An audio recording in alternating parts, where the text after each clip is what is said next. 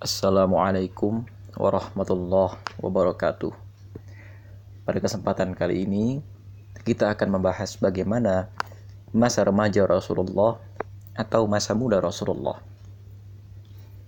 Masa remaja Rasulullah akan kita mulai dari bagaimana yang terjadi di sekitar Rasulullah pada saat masa mudanya dan bagaimana keterlibatan Rasulullah pada peristiwa-peristiwa tersebut. Sehingga memang dalam pembelajaran sirah nabawiyah atau dalam penelitian sirah nabawiyah sedikit sekali hadis yang membicarakan masalah masa muda Rasulullah tapi banyak sekali hadis yang menyebutkan bahwa terjadi peristiwa-peristiwa besar yang pada saat itu Rasulullah sudah dikatakan dalam usia remaja. Pertama-tama, bagaimana eh, yang terjadi di sekitar masyarakat pada saat itu atau bagaimanakah pola masyarakat pada saat itu? Jadi pada saat itu kalau kita rancang gitu ya, kira-kira Rasulullah sudah diasuh oleh Abu Talib dalam pembiayaan Abu Lahab. Jadi Abu Lahab itu nanti yang memerangi Rasulullah akan tetapi ketika Rasulullah itu remaja, ternyata Abu Lahab itu sangat menyayangi Rasulullah. Dan Abu Lahab memang masih terhitung paman Rasulullah. Rasulullah tinggal di rumah Abu Talib dari kira-kira usia 8 tahun sampai kemudian kira-kira Rasulullah menikah dengan Khadijah di usia 25 tahun. Sehingga kira-kira beberapa belas tahun Rasulullah tinggal di rumah Abu Talib meskipun tidak ada catatan resmi berapa tahun kira-kira.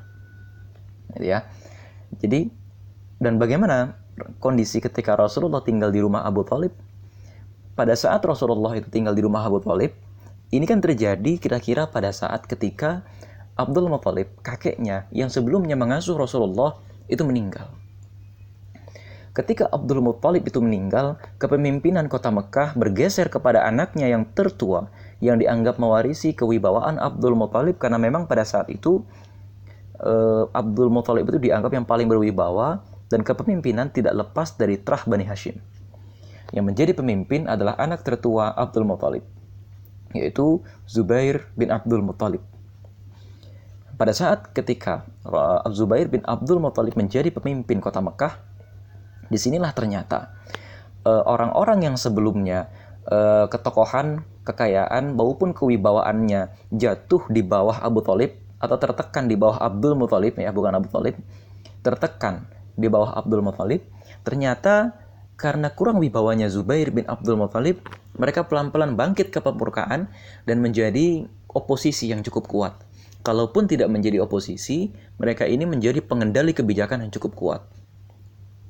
Di antara mereka yang muncul ini adalah kepala-kepala kabilah yang akhirnya pada saat awal sekali Rasulullah memulai masa dakwah jahriyah di kota Mekah e, kira-kira gitu ya pada usia Rasulullah 40 sampai kemudian usia 45 tahun Orang-orang inilah yang kemudian menjadi penentang yang nyata. Di antara mereka adalah ayahnya Amru bin As, yaitu Al-As bin Wail. Ayahnya Khalid bin Walid, yaitu Al-Walid bin Mughirah. Al-Walid bin Mughirah. Dan di antara mereka yang lain adalah uh, di antaranya uh, Rabi'ah atau Utbah bin Rabi'ah juga. Dan di antara mereka juga Abu Lahab, Abu Jahal, gitu ya, Abu Lahab dan Abu Jahal ini jangan terbalik-balik gitu ya. Kan Abu Jahal itu dari Bani Makhzum. Abu Jahal itu satu kabilah dengan Walid bin Minggurah tapi Abu Jahal itu cukup kuat dan cukup kaya gitu ya. Tapi tidak sekuat Walid bin Mughirah. Walid bin Mughirah ayahnya Khalid bin Walid ini dianugerahi uh, semacam posisi yang kuat karena dia ini uh, adalah seorang budayawan. Tapi budayawan jangan dibayangkan seperti yang sekarang. Artinya kalau dia sudah jadi budayawan, maka dia tidak berpolitik, dia tidak berperang. Beda. Jadi pada saat itu, semua orang status sosialnya itu sama, hanya kemudian dia punya kelebihan. Tidak seperti sekarang ketika pekerjaan-pekerjaan itu dibeda-bedakan berdasarkan keahlian masing-masing. Tidak. Meskipun Walid bin Mughirah, ayahnya Khalid bin Walid dikatakan sebagai seorang budayawan yang nanti ketika Rasulullah itu menyiarkan Al-Quran di kota Mekah, Walid ini mengatakan, saya sudah mendengar syair-syair jin sekalipun, tapi ini tidak sama. Artinya dia dia memahami betul bagaimana sastra Arab gitu loh. Tapi dia ini tetap adalah pemimpin kabilah, itu yang jadi masalah. Dan di antara lagi yang kemudian menandingi ketokohan Zubair bin Abdul Muthalib adalah ayahnya Muawiyah, yaitu Abu Sufyan. Di mana ayahnya Abu Sufyan yaitu Al-Had bin Umayyah nanti menjadi panglima perang Fijar. Ya. Di antaranya lagi adalah ayahnya Abu Bakar As-Siddiq yaitu Uthman alias Abu Kuhafah dan lain sebagainya. Di antaranya juga ayahnya Umar bin Khattab yaitu Al-Khattab. Ya. Nah, uh, sampai di sini gitu ya kita mendapatkan kesan bahwa ini memang uh, akhirnya mirip seperti hari ini gitu ya. Ketika seorang pemimpin ini kewibawaan, kekayaan maupun eh, aspek-aspek yang lainnya itu tidak sekuat tokoh-tokoh yang lain atau dia sudah kuat tapi masih bisa ditandingi oleh tokoh-tokoh yang lain sehingga kebijakannya menjadi lemah. Ini yang kemudian e, menjadi pertanyaan Bani Israel kalau kita melihat surat Al-Baqarah ayat 246 ketika Bani Israel mempertanyakan legitimasi atau mempertanyakan e, kekuatan kepemimpinan dari Tolut pada saat Nabi ya pada saat seorang Nabi mengangkat Tolut atas perintah Allah sebagai pemimpin Bani Israel untuk menyerang Jalut. Nah, apa yang menjadi pertanyaan Bani Israel? Yang menjadi pertanyaan Bani Israel adalah satu, ini persoalan harta. Yang kedua, persoalan legalitas hukum. Dan yang ketiga, ini bukan cuma persoalan legalitas hukum, tapi juga persoalan legalitas sosial. Karena Tolut ini dipandang orang yang miskin dan dipandang orang yang tidak punya legalitas. Ini ternyata masih berlaku ke zaman-zaman selanjutnya bahwa memang kepemimpinan itu akan jatuh atau kekuasaan itu akan jatuh kepada pihak-pihak yang menguasai perputaran harta, yang kedua, yang punya wewenang atau yang punya kewibawaan politik, yang ketiga, yang secara formasi ketokohan, dia ini pihak ini gitu ya memiliki orang-orang yang cukup kuat untuk bisa mengisi jabatan-jabatan politik. Kalaupun ternyata ada pihak yang mengisi jabatan politik tapi dia lemah, maka yang terjadi biasanya adalah seperti di masa kepemimpinan Zubair bin Abdul Muthalib dan di masa kepemimpinan Abu Talib. Yang terjadi adalah, oke okay, secara legalitas administratif yang memimpin dua orang itu. Tapi ternyata masyarakat ini suaranya atau masyarakat ini ketundukannya terpecah akhirnya. Tidak seperti di masa Abdul Muthalib ketika masyarakat itu satu kata dan tidak berani menentang Abdul Muthalib. Tapi di masa Zubair bin Abdul Muthalib dan di masa Abu Talib, masyarakat ini tidak lagi menganggap kepemimpinan itu sebagai sesuatu yang kuat. Nah, ini kemudian kita belajar di masa remaja Rasulullah. Ini Rasulullah sudah belajar bagaimana jika kepemimpinan itu tidak kuat. Atau bagaimana jika kepemimpinan itu tidak didukung oleh dana yang besar dan juga tidak didukung oleh manpower yang cukup kuat. Di masa remaja Rasulullah terjadi hal semacam ini. Kita tidak mendapatkan catatan kapankah tepatnya Abu Talib dianggap secara efektif memimpin kota Mekah. Tapi di masa kepemimpinan Zubair bin Abdul Muthalib inilah terjadi peristiwa Hilful Futul. Tapi sebelum kita ke arah situ, ya, di masa remajanya Rasulullah, di masa kepemimpinan Zubair bin Abdul Muthalib, ini terjadi perang Fijar. Apa itu perang Fijar? Jadi suatu ketika, tapi sebelum ke situ kita ini dulu ya. Kita pelajari dulu bagaimana sih e, sebenarnya e, posisi masyarakat pada saat itu orang-orang bangsa Arab pada saat itu sangat mengunggulkan sekali golongannya. Sehingga karena mereka ini sangat mengunggulkan sekali golongannya, mereka itu mudah sekali disindir dengan memanfaatkan kedaerahan, gitu ya. E, ini makanya kalau ada orang zaman sekarang masih menghina asal daerah, masih menghina asal suku, masih menghina nasab, inilah yang menyebabkan kejahiliahan itu semakin dalam dan semakin tebal saja keraknya. Jadi ceritanya pada saat itu ada seorang dari kabilah Hawazin dan dari kabilah Kinanah, ini dua-duanya saudaranya kabilah Quraisy.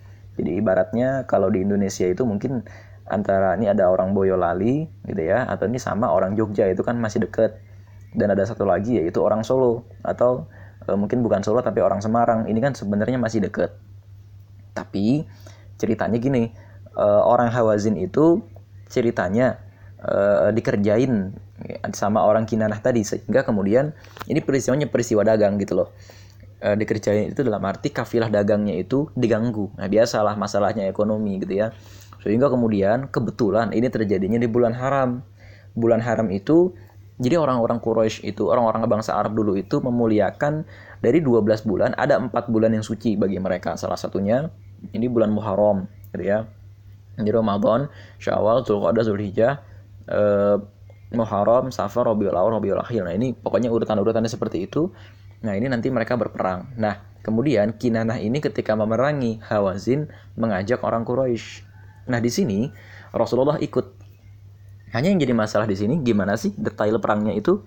Jadi detail perangnya itu Bani Umayyah gitu ya sebagai pemimpin pertempuran Bani Umayyah itu mengangkat atau Quraisy secara umum menitipkan kepada Bani Umayyah dan Bani Umayyah mengangkat ayahnya Abu Sufyan yaitu Al-Harb bin Umayyah ya Al-Harb bin Umayyah dalam ini pamannya Utsman bin Affan sebagai pimpinan tertinggi peperangan. Jadi bisa dibayangkan gitu ya di lingkungan Quraisy ini terjadi apa? Ini perang besar ya dan di antara pembesar Mekah itu mengangkat Al-Har bin Umayyah sebagai jenderal perang. Tetapi kan butuh biaya. Nah, biaya ini ternyata ditanggung oleh seorang pamannya Abu Bakar As-Siddiq. Siapa dia? Abdullah bin Jur'an. Abdullah bin Jur'an menanggung seluruh biaya perang. Ya, ini bisa dibayangkan bagaimana situasi perang pada saat itu, gitu ya. Dan di sini eh, paman-pamannya Rasulullah itu ikut ya sebagai pengatur-pengatur sedikit lah ya dan pada saat itu, Bani Umayyah dan Bani Makhzum ini kemudian memimpin peperangan.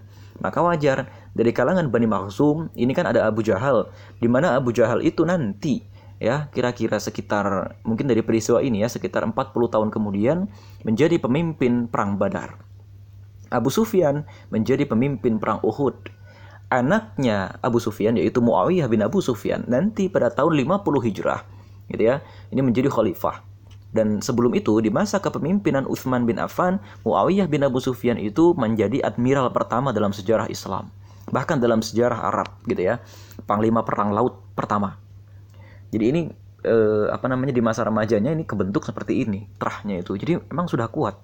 Kabilahnya itu sudah kuat dengan ciri khasnya masing-masing. Dan ciri khasnya ini ketika nanti satu kabilah itu memeluk Islam, dia punya ciri khas yang baik, ini nanti akan makin berkembang tapi ciri khasnya yang buruk akan hilang. Nah, itu itu ya itu yang membedakan. Yang kedua, di Bani Makhzum ya kita tahu uh, Al-Walid bin Mughirah dan di sana juga ada Abu Lahab, anak cucunya mereka di antaranya Khalid bin Walid. Ini kita tahu Khalid bin Walid nanti akan menjadi penakluk Persia. Dan Khalid bin Walid akan menjadi pedang Allah suatu ketika nanti. Ini yang kemudian ciri khas dari kaum-kaum ini gitu ya. Dan Abdullah bin Jur'an, Bani Taim ini memang terkenal Bani yang dermawan ya Abdullah bin Jur'an itu menyumbang sedemikian besar dana sampai mencukupi seluruh biaya perang.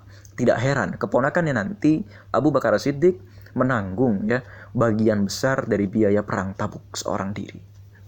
Ini yang kemudian istimewa gitu ya. Rasulullah di usia kira-kira 14 sampai 15 tahun itu ikut dalam perang Fijar untuk mengambilkan panah. Ya, karena pada saat itu hadis yang jelas itu berbunyi Rasulullah mengambilkan panah yang sudah ditembakkan baik oleh musuh maupun oleh kawan sendiri untuk kemudian dijadikan panah-panah cadangan atau panah isi ulang lagi. Tidak diceritakan peperangan ini detailnya bagaimana karena perang ini perang berkepanjangan seperti perang Korea. Artinya perang ini terjadinya beberapa kali dan panjang sekali. Ada yang bilang lima tahun, ada yang bilang sekitar 10 tahun. Tapi kemudian perang ini berakhir dengan perdamaian. Gitu ya uh, perang ini berakhir dengan perdamaian. Tapi setelah perdamaian itu ternyata ada peristiwa lagi. Nah, peristiwanya apa itu? Yaitu Hilful Fudul. Jadi ini konfliknya memang berkepanjangan gitu. Artinya memang Rasulullah itu dari kecil ya yang pertama sudah belajar perang itu bagaimana. Terus yang kedua sudah belajar bagaimana uh, ketika satu kondisi masyarakat itu mengalami peperangan apa sih yang akan terjadi? Maka nanti di usia dewasa kita lihat peperangan yang dilancarkan oleh Rasulullah itu sangat efektif. Korban jiwa sangat minim. Kita lihat di perang Badar. Ini perang Badar kan korban jiwanya sangat minim, hanya beberapa puluh. Di perang Uhud juga begitu, hanya beberapa puluh. Korban jiwa yang cukup besar yang jatuh gitu ya. Ini uh, mungkin gitu ya kalau kalau kita hitung-hitung hanya pada saat perang Badar.